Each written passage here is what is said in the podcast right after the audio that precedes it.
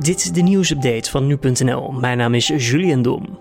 Liliane Ploemen is voorgedragen als de nieuwe lijsttrekker van de Partij van de Arbeid. Kan ik de lijsttrekker zijn van de Partij van de Arbeid? En vandaag vertel ik u, ja, ja, ik ben er klaar voor. Zaterdag mogen de leden nog van zich laten horen, maar dat lijkt slechts een formaliteit.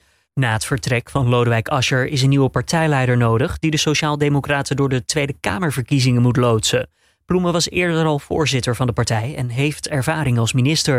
In het vorige kabinet bekleedde zij de post van minister van Buitenlandse Handel en Ontwikkelingssamenwerking.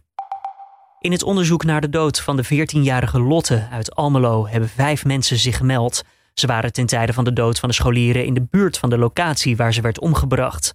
De politie hoopt dat zij mogelijk iets hebben gezien dat kan helpen bij het onderzoek.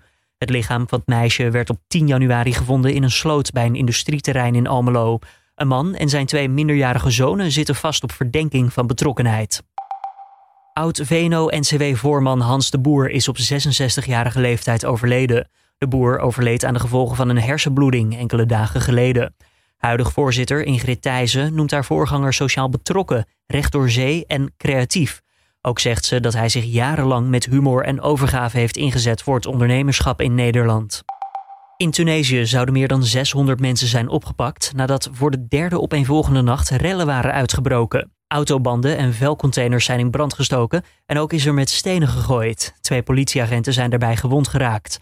De directe aanleiding voor de protesten is onduidelijk, maar onder de bevolking bestaat veel onvrede over de slecht draaiende economie. Ongeveer een derde van de jongeren is werkloos.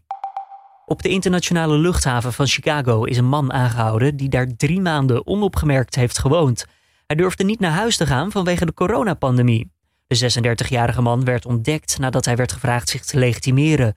Daarop toonde hij een personeelsbadge die eerder als vermist was opgegeven.